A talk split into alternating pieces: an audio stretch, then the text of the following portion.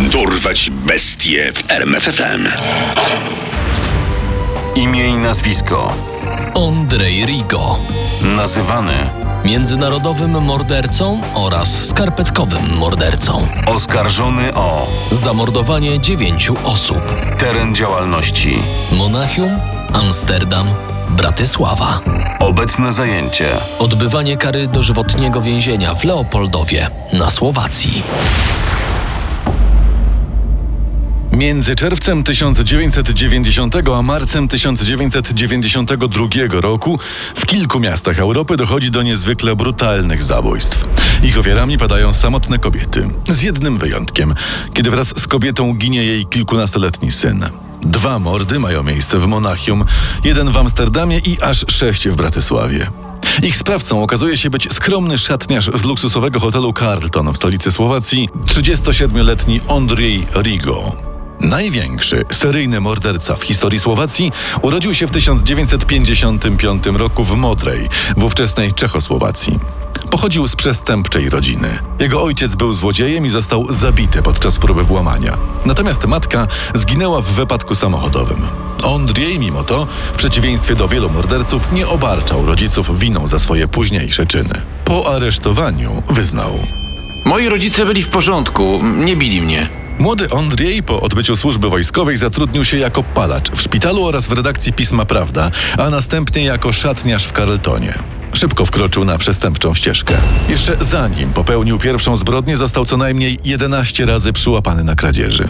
W końcu w 1989 roku trafił do aresztu, choć nie za włamania, a za próbę nielegalnego przekroczenia granicy kraju. Ledwo wyszedł z więzienia, udał się do Wiednia, gdzie zdobył fałszywy paszport jugosłowiański na nazwisko Nedo Ikić.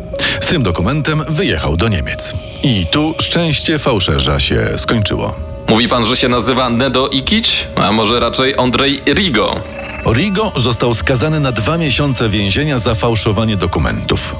Po wyjściu z niemieckiego więzienia w Bad Reichenhall wyjechał do Monachium. Tam dalej trudnił się drobnymi włamaniami aż do 8 czerwca 1990 roku. Tego dnia, a w zasadzie nocy, postanowił obrabować 40-letnią Helenę S. Myślał, że kobieta śpi, gdy tymczasem zaskoczyła go swoim widokiem na środku mieszkania. Kim pan jest? Policja! Ondrej uderzył ją metalowym prętem i zmiażdżył jej głowę. Następnie zarzucił koc na górną część ciała ofiary i odbył stosunek ze zwłokami. Narzędzie zbrodni porzucił pod oknem sypialni kobiety. Żeby nie zostawić śladów, na ręce włożył skarpetki. Stanie się to jego znakiem rozpoznawczym i przyczyni do późniejszego nazwania go skarpetkowym mordercą.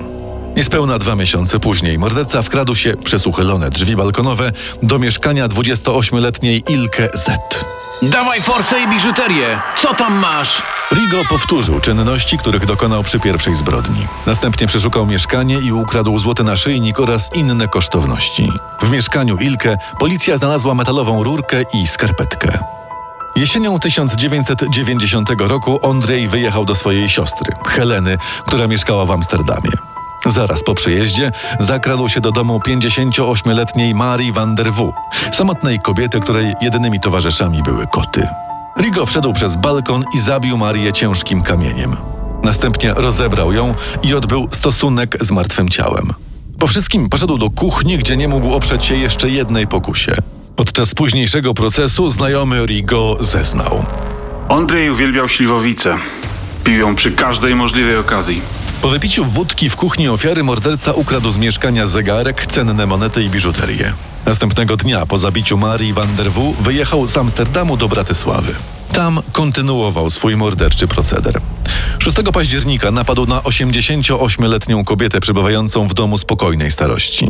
Zmiażdżył jej głowę pięścią podczas snu.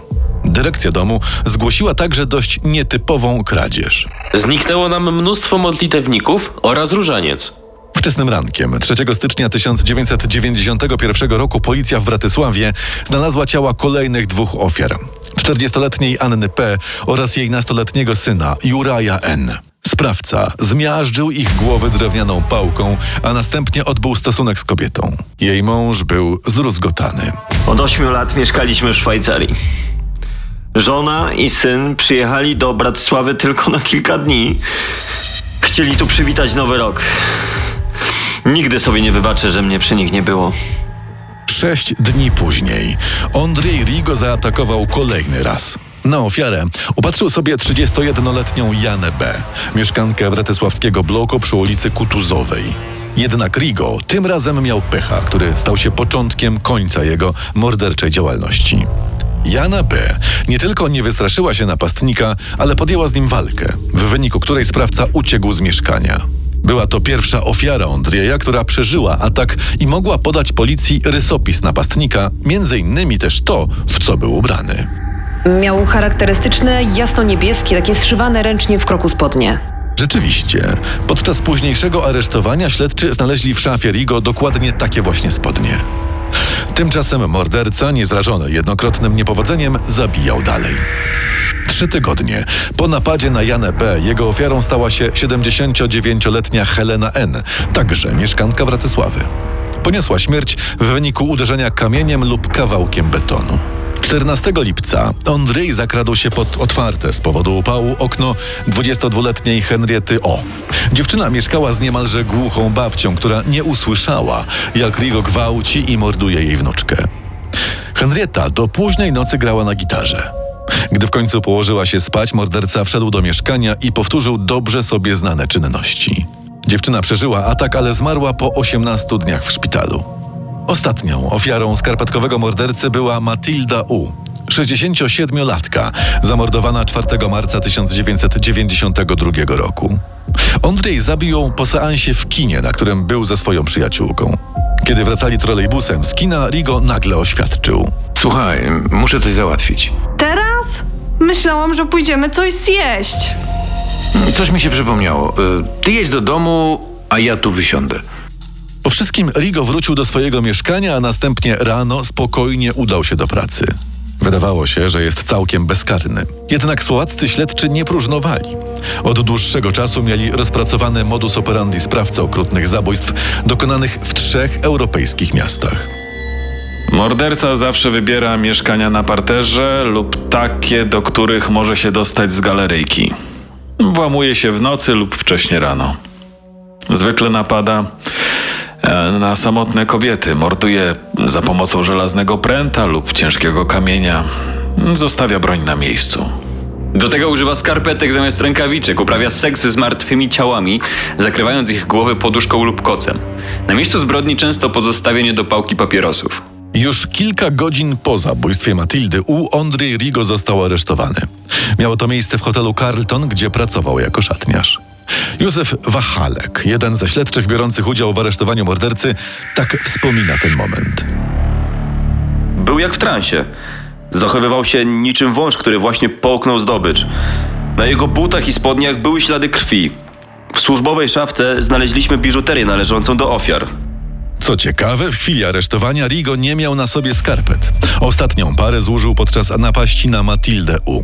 Andrzej nie przyznał się do żadnego z morderstw. Twierdził, że znaleziona na nim krew to tak naprawdę syrop, a nasienie, które było dowodem w sprawach, zostało podrzucone przez prostytutki z klubów erotycznych, które odwiedzał. Jego wyjaśnienia były co najmniej niedorzeczne. Zatem jak pan wytłumaczy fakt, że pod balkonami ofiar znaleźliśmy mnóstwo śladów stóp i niedopałki papierosów należące do pana? Po prostu tamtędy przechodziłem. Lubiłem spacerować. Czasem jak mi się chciało siku, przystawałem pod oknami ludzi.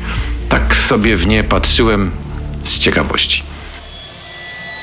A skąd pan miał biżuterię należącą do ofiar? Kobiety mnie uwielbiały. Same dawały mi takie prezenty. Według powołanego przez sąd psychologa Antona Heretika, Rigo posiadał osobowość psychopatyczną. Oskarżony nie akceptuje i nie przestrzega żadnych norm społecznych. Brak mu empatii. Nie potrafi tworzyć trwałych relacji z innymi ludźmi. Zachowuje się impulsywnie. To bardzo niebezpieczny typ przestępcy. Wyrok w sprawie Andrzeja Rigo zapadł 7 grudnia 1994 roku. Sąd w Bratysławie po krótkim, dziesięciodniowym procesie skazał go na dożywotnie pozbawienie wolności. Ani twarz, ani postawa mordercy nie wyrażały żadnych emocji. Sąd apelacyjny przychylił się do wyroku sądu pierwszej instancji i Rigo trafił do więzienia w Ilawie, a następnie został przeniesiony do Leopoldowa. Mimo wielu lat spędzonych za kratami, osoby, które mają z nim do czynienia, w tym służby więzienne i psychologowie, mówią jednym głosem. Szanse na resocjalizację Rigo oceniam jako zerowe. Wróćmy jednak jeszcze na chwilę do procesu Andrija i jedynej kobiety, która przeżyła atak seryjnego mordercy, Jany B., kluczowego świadka. Udało jej się spłoszyć Rigo nie tylko dzięki odwadze i spretowi, ale także umiejętnościom. Przez kilka lat ćwiczyła karate i odrobinie szczęścia. Trzon motyki, której cios przyjęła na głowę, był spleśniały i rozpadł się. Kobieta broniła się innymi za pomocą krzesła. W pewnym momencie popchnął mnie na rozgrzany piecyk gazowy. Moja skóra zaczęła płonąć. Ścisnęłam go za genitalia. W końcu po szamotaninie uciekł. Między atakiem na Janę B. a aresztowaniem sprawcy minął niemal rok. Przez ten czas istniała obawa, że morderca wróci i dokończy swoje dzieło. Mimo to Jana B. nie chciała i podobno wciąż nie chce się przeprowadzić, a wiele lat po ataku w jednym z wywiadów przyznała, że nie ma po nim traumy. A niby gdzie miałby być bezpieczniej? Andrzej Rigo kompletnie mnie nie interesuje. Nie chcę o nim czytać, mówić, ani wiedzieć cokolwiek. Jest mi obojętny. Niektóre źródła podają jednak, że wbrew własnym deklaracjom Jana B. zaraz po napadzie kupiła sobie psa obronnego i przez 7 lat nie wyłączała światła w nocy. A w końcu, po cichu, zmieniła miejsce zamieszkania. Poznaj sekrety największych zbrodniarzy świata. Dorwać bestie w RMFFM. Kobiety mnie uwielbiały. Same dawały mi takie prezenty.